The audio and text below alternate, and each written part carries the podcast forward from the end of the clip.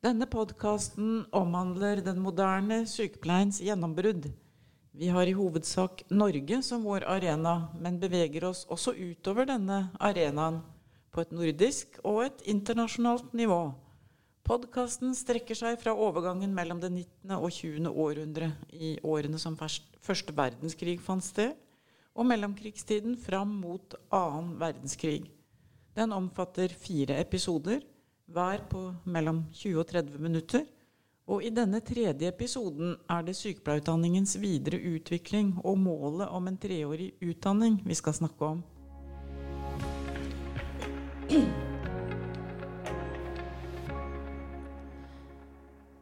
Vi som har laget denne podkasten, er førstelektor Inger Aaser Eiersson og professor emerita Sigrun Valvik. Vi er begge tilknyttet Institutt for sykepleiervitenskap ved Universitetet i Sørøst-Norge. Podkasten er basert på Sigrun Valviks forskning innenfor sykepleiehistorie og på hennes doktorgrad om Bergljot Larsson og den moderne sykepleien. Doktorgraden er basert på primærkilder. I tillegg er en rekke sekundærkilder også brukt. Velkommen til å bli med i et spenningsfylt moderniseringsprosjekt der kall og vitenskap, omsorg og krav, kjønn og klasse skapte både forutsetninger og begrensninger for etableringen og utviklingen av den moderne sykepleien.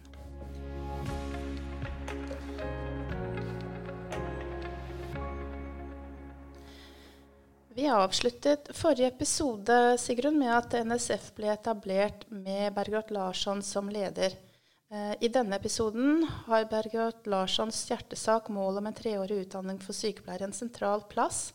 Så både Bergljot Larsson og NSF blir med oss videre i eh, denne episoden. Du hevdet avslutningsvis at dette målet ikke ble nådd uten betydelig kamp på barrikadene. Her ser det ut til at det er duket for mye spenning i det som kommer videre. Ja, det stemmer det. Med NSF så fikk sykepleierne en viktig premiss, premissleverandør for den videre utvikling av sykepleierutdanning i Norge. Og først og fremst var det utdanningens lengde som ble den viktigste saken for NSF.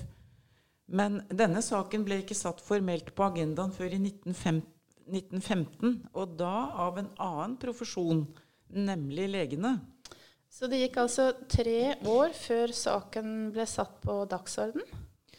Ja, det gjorde det faktisk. Og en kunne vel ha forventet at det var NSF som tok opp denne saken, og også tidligere for den saks skyld. Men jeg tror dette skyldes at Bergljot Larsson ville ha en del ting på plass før denne saken ble tatt opp. Og ut fra alt vi har snakket om tidligere, er det opplagt at selv om en hadde fått en slags utdanning for sykepleiere i Norge da, så var Eh, kompetansen hos de som ble betrakta som ferdigutdanna, den var veldig varierende. Og Bergljot Larsson var ikke bare opptatt av lengden på utdanningen, hun var også opptatt av kvalitet. Og de som skulle lære opp elevene i praksis, de måtte jo også ha kompetanse til å gjøre denne jobben. Ja, Det høres jo rimelig ut, men hvordan fikk hun til dette? Ja, så ser en på tiltak som Bergljot Larsson satte i verk de første årene etter at forbundet ble stiftet så tenker jeg at en del av disse hadde opplagt til hensikt å styrke kompetansen til de som allerede var kvalifiserte sykepleiere ifølge NSF. Det er særlig ett av tiltakene som jeg har lyst til å nevne. Og dette gikk ut på at Bergljot Larsson innstendig oppfordret sykepleiere til å ta videreutdanning, og først og fremst i utlandet. Uh, hun var jo blitt veldig god i engelsk da, mens hun arbeidet i Edinburgh. og Det var sikkert derfor hun også tilbød seg å oversette attestene deres til engelsk. Og hun brukte også egne bekjentskaper for å skaffe interesserte søstre studieplasser. Så i løpet av 1913 så reiste faktisk ti norske sykepleiere til USA, Skottland, Sverige og Danmark for å skolere seg videre i sykepleierfaget. Og etter hvert så opprettet også NSF stipendordninger for de som ønsket å studere i utlandet. Og en kan jo nevne i denne sammenheng at det ble også mer og mer vanlig å utveksle sykepleiere mellom land i Europa.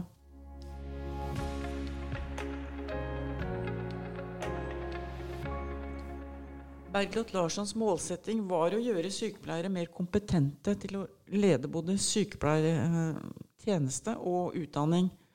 Så en kan si at flere av de tiltakene hun gjorde, de bidro på ulike måter til å oppfylle en slik målsetting.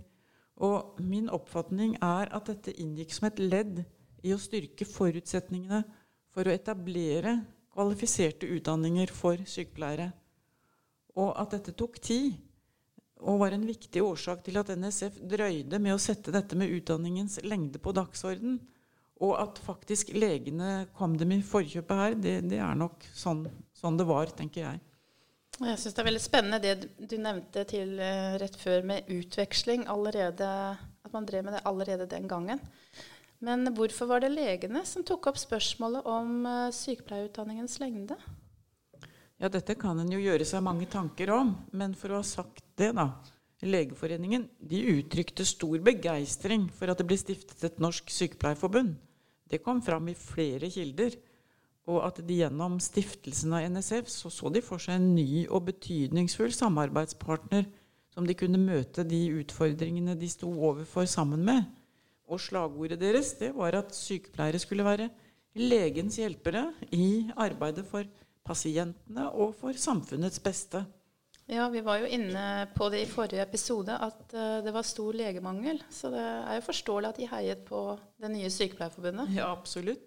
Samtidig så kan en jo undre seg over at det var Legeforeningen som tok det første initiativet til å formalisere sykepleierutdanningen. Hvorfor spilte de f.eks. ikke ballen over til det offentlige? Eh, vi kan jo spekulere på det, selv om de hadde et svar på det sjøl. De skyldte på krigen. Og da at de ikke kunne belaste det offentlige i de vanskelige krigstidene som var på den tiden. Så da må vi altså fastslå at det var Legeforeningen som formelt tok initiativet til å forbedre sykepleiens utdanning. Eh, men jeg lurer, jeg lurer på egentlig hva kom det av? Jeg tror det er viktig å se nærmere på legens, legenes situasjon på denne tiden for å forstå eller for å belyse dette. Ja, Hvor langt har vi egentlig kommet nå? Ja, Nå beveger vi oss mot 1914 og første verdenskrig. Og i 1914 så trådte det en veldig viktig lov i kraft. Det var lov om de offentlige legeforretninger. Og denne loven den fikk veldig stor betydning fordi at den førte til en veldig omfattende utbygging av det offentlige legevesenet med kommuneleger, distriktsleger og skoleleger.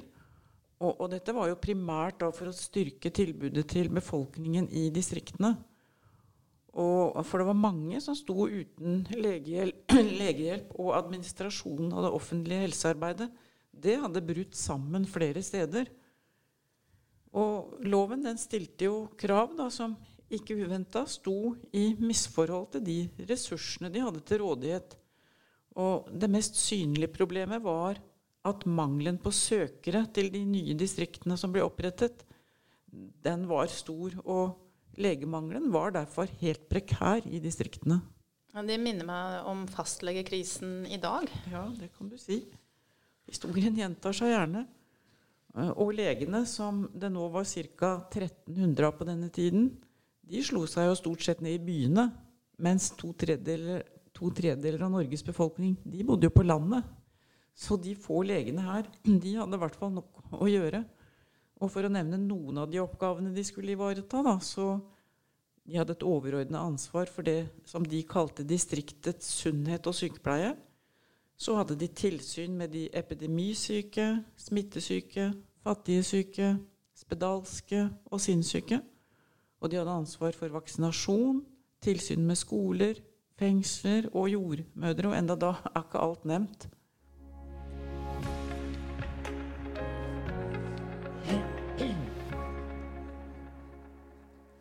Vi må snakke litt mer om den voldsomme utviklingen som fant sted på mange områder på denne tiden, selv om vi jo har vært inne på det flere ganger. Det var, det var denne vitenskapen da, som igjen framsto som den moderne verdens nye frelser. Og nå var det ikke bare diagnostisering og behandling som sto i fokus, men også forebygging. Det som var saken nå, var at tiltakene ikke skulle begrenses til de som var syke, men også til de som var potensielt syke. Og helse og sykdom var ikke lenger en privatsak, men det var et sosialt anliggende. Og i tillegg til det som vi kaller det klassiske hygienearbeidet med kontroll av vann og boliger og næringsmidler og sånn, så skulle også folket opplyses. De skulle opplæres i vaner som skulle styrke både kropp og sjel. Og dette bidro selvsagt til å definere de oppgavene som legene ble satt til å løse. Og de skulle iverksette forebyggende tiltak både i forhold til omgivelser og enkeltindivider. Og særlig da mot utsatte grupper. Det aller viktigste virkemidlet var kunnskapen om hygiene. Og det er jo her sykepleieren kom til å spille en vesentlig rolle. Ja, så det var, ja, så det var altså her særlig at sykepleierne kom inn i bildet? Ja. Sykepleierne skulle formidle denne viktige eh, kunnskapen og omsette den i praksis. Og dermed også bidra til å oppfylle visjonen om det gode samfunn. Ja, De ville med andre ord være til stor hjelp både for pasienter og leger. Ja. Men uh, var dette egentlig noe nytt? Nei, på mange måter så var det ikke det. For helt fra tiden rundt forrige århundreskifte så hadde de første faglærte sykepleierne bistått legene i distriktene. Det har vi også snakka om tidligere, at både diakonisser og distriktssykepleiere de utøvde jo pleie og omsorg til syke, fattige og gamle mennesker. Og at jordmødrene de tok seg av barselkvinnene. Eh, I flere distrikter så hadde de faktisk også ansatt menighetssøstre som pleide, inspiserte og underviste om hygiene i hjemmene. Så derfor kan en si at faglærte sykepleiere allerede var på banen og avlastet legene i deres arbeid. Men de oppgavene som legene fikk, de ble altså stadig flere og flere.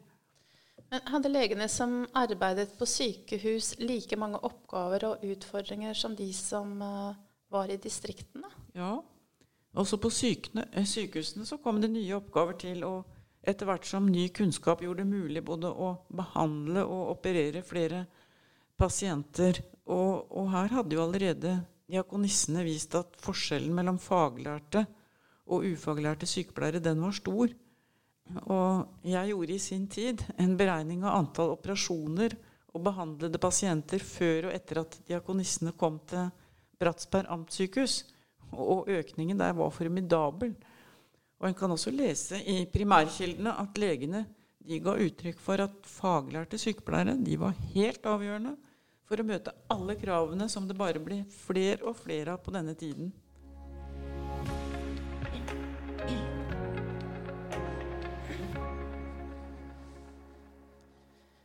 Hvordan vil du si at legenes syn på sykepleierens rolle var på denne tiden? Ja, Det er ingen tvil om at legene oppfattet sykepleie både som komplementær og samtidig underordnet medisin. Og dette var ikke bare en oppfatning som rådet her i Norge, men også internasjonalt. Og det gjaldt både hos leger og sykepleiere. Men det var faktisk en utfordring at sykepleie og medisin skulle være komplementære, fordi det som skjedde, det var jo at sykepleiere stadig tok over flere og flere legeoppgaver. Så det gjorde grensene mellom de to fagområdene ble, De ble ganske vanskelig å trekke. Og, og, i denne sammenhengen så er det litt fristende å sitere doktor Våge, da. Og han uttalte følgende Der kan være forskjellige meninger om hvor meget man kan forlange at en sykepleierske skal kunne prestere. Liksom grensene mellom den egentlige sykepleie og det som utelukkende bør høre under legens domene, er noe vanskelig at opptrekke. Og dette utsagnet mener jeg sier noe indirekte da, om det disse to gruppene skulle strides om. Hva slags utdanning skulle sykepleierne egentlig ha? Hva skulle den inneholde? Og hvor lang skulle den være? Og hvem skulle lede den? Og For å løse disse spørsmålene så satte altså Legeforeningen ned denne komiteen i 1915, som de kalte for Legeforeningens sykepleierkomité. Og denne komiteen skulle utrede utdanning av sykepleiere på detaljnivå, og også organisering av undervisningen. Jeg lurer på, Hadde denne voldsomme interessen for sykepleierutdanningen sammenheng med at legene mente at utdanningene som var etablert så langt, var for dårlige? Ja, de mente nok at uh, utdanningen var for dårlige, og, og, de var også opptatt av at forholdet for faglærte sykepleiere var for dårlige. Så i utgangspunktet ønsket de at deres egen fagforening og Sykepleierforbundet skulle samarbeide om, om disse tingene, da. Og derfor så den besto den komiteen som de satte ned, både av leger og sykepleiere. Og selvfølgelig så var Bergljot Larsson med i denne komiteen. Hun var jo helt selvskreven.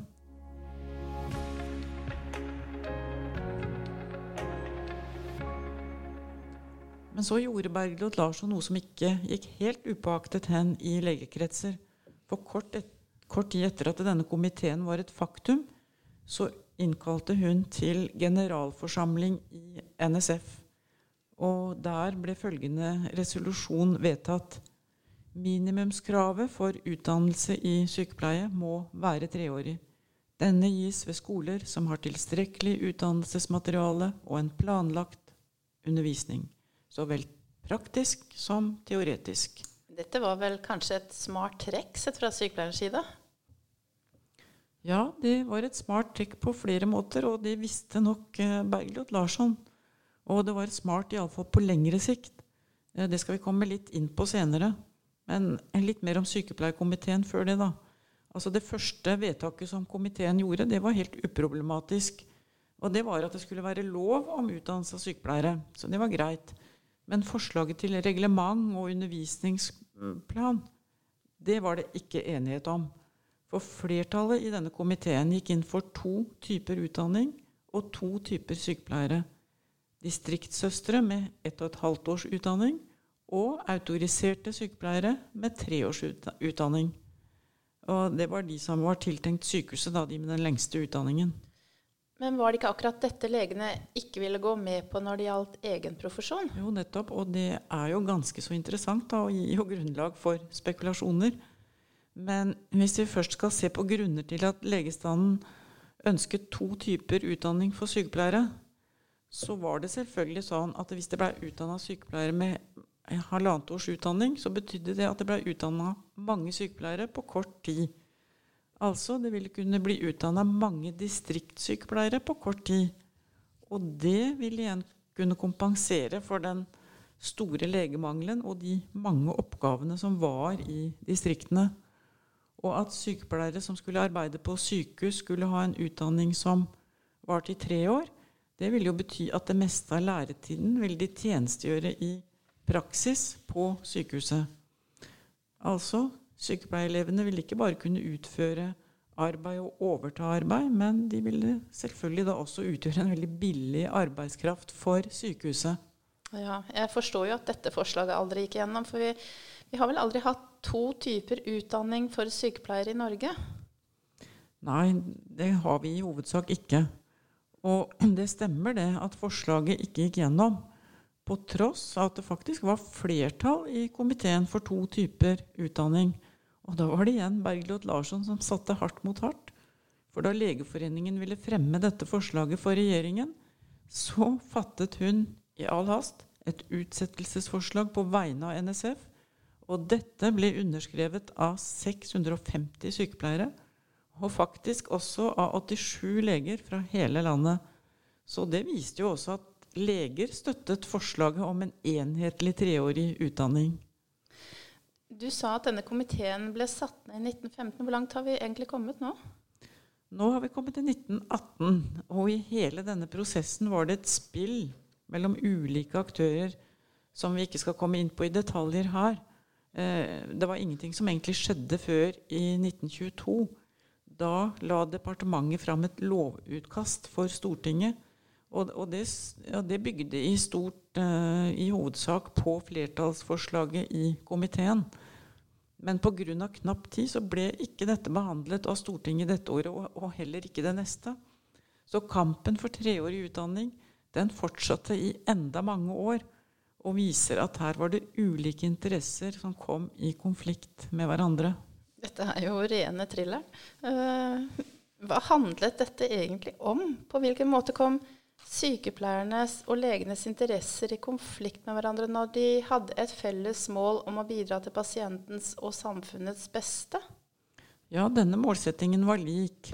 Men det var nok ulik oppfatning mellom Sykepleierforbundet og Legeforeningen om hvordan sykepleierne skulle bidra til å oppfylle denne målsettingen. Og, og, det er veldig viktig å huske på at det vi kaller moderne sykepleie nå på mange måter var på idéplanet eller i støpeskjeen i Norge på denne tiden. Og, og dette tette forholdet da, eh, til internasjonal sykepleie betydde også at mye skulle realiseres i tråd med de forventningene eller målene da, som nettopp syke, internasjonal sykepleie la føringer for. Medisinen derimot, den var nå vel etablert. Og det kan vi trygt si at legene hadde skaffet seg en betydelig plass og både ansvar og makt i det offentlige rom. Og, og for å gjenta legenes utfordring var å løse formidable helseoppgaver med knappe ressurser. Men akkurat dette truet mer enn den sosiale eh, velferden. Det truet også legenes profesjonelle interesser.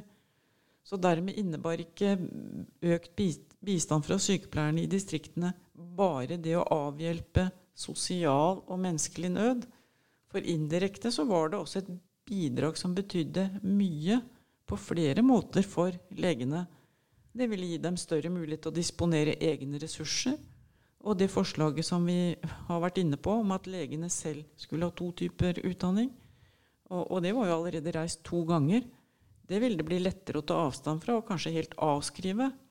Så derfor forente altså dette forslaget om to typer sykepleierutdanning i stor grad både profesjonelle og sosiale interesser for legenes vedkommende. Så vi ser altså at utgangspunktet for disse to gruppene eller profesjonene det var veldig forskjellig. Mm. Uh, hvorfor tror du at sykepleierne, eller kanskje lederne, da, først og fremst mente det var så viktig med treårig utdanning? Ja, det var nok flere årsaker til det. Altså Treårig utdanning skulle jo først og fremst heve sykepleiernes teoretiske kunnskapsnivå og sørge for at ferdigutdanna sykepleiere hadde en viss felles standard. Og så skulle utdannelsen opplagt også styrke sykepleiernes sosiale posisjon og status og gi dem et yrke som gjorde dem både uavhengig og selvforsørga. Eh, og treårig utdanning var da selve nøkkelen til å gjøre sykepleie til en egen profesjon. Og, og, dette var helt i tråd med de internasjonale føringene som ble lagt.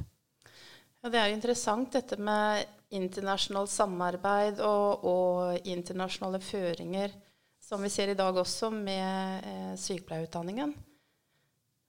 Ja, det gjør vi. Og den gangen hadde Det internasjonale sykepleierforbundet visjoner om særlig å utveksle sykepleie mellom landene. Og hvis sykepleie skulle internasjonaliseres, så måtte jo den først standardiseres.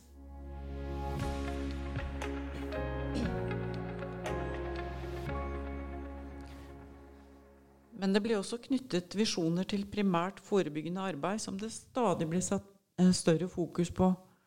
Og det at forebyggende arbeid åpnet for og ga muligheten til en mer selvstendig sykepleierrolle, ja, det var allerede tema i internasjonal sykepleie.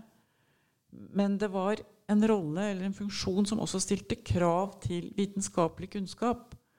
Og i nettopp distriktssykepleiernes arbeid så var denne forebyggende funksjonen tiltenkt stor betydning.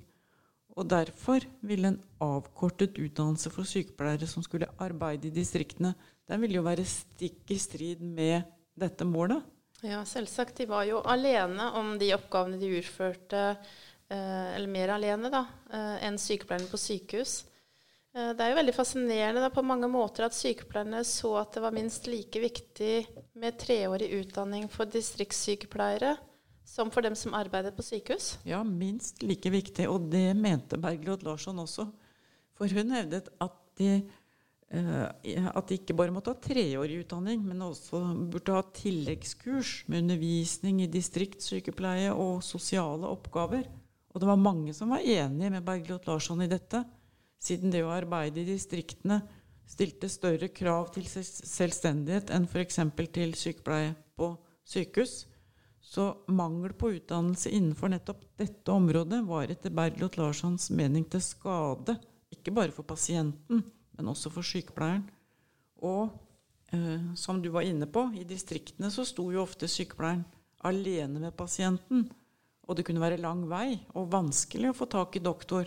Og da var det jo helt avgjørende om sykepleieren kunne sine ting eller ikke. Ja, ut fra det du nå har sagt, så handlet det altså både om faglige og profesjonelle interesser for sykepleierne også da? Ja, det kan du godt si. Det var iallfall opplagt at for Bergljot Larsson så var profesjonelle interesser og faglig kvalitet overordnet dette akutte behovet for å utdanne flere sykepleiere. Og hun var selvsagt interessert i hun også at det måtte gjøres noe med sykepleiermangel, men mente samtidig at den ville ikke bli avhjulpet ved å sende ut halvutdannede sykepleiere, som hun kalte det. Hun hadde sine meningers mot. Ja, og det måtte hun tåle mye kritikk for. Men hun sto fast på sitt og satte faglig kompetanse i høysetet to the bitter end. Vi må jo huske på at så langt så hadde ikke sykepleierne noe selvskreven rett til en viss type utdanning, slik legene hadde. Og det er klart at dette gjorde spenningsforholdet mellom egeninteresser og sosialpolitiske interesser det gjorde jo det mer tydelig. Og akkurat det kan en tenke seg gjorde sykepleierne sårbare i den kampen de utkjempet, der de sammen med legene hadde en overordnet målsetting som var til samfunnets og pasientens beste. Så i dypeste forstand så berørte dette spørsmålet eh, hvilke verdier som var de mest grunnleggende i sykepleie. Men uh, dette er et tema for neste og siste episode av denne podkasten om framveksten av den moderne sykepleien.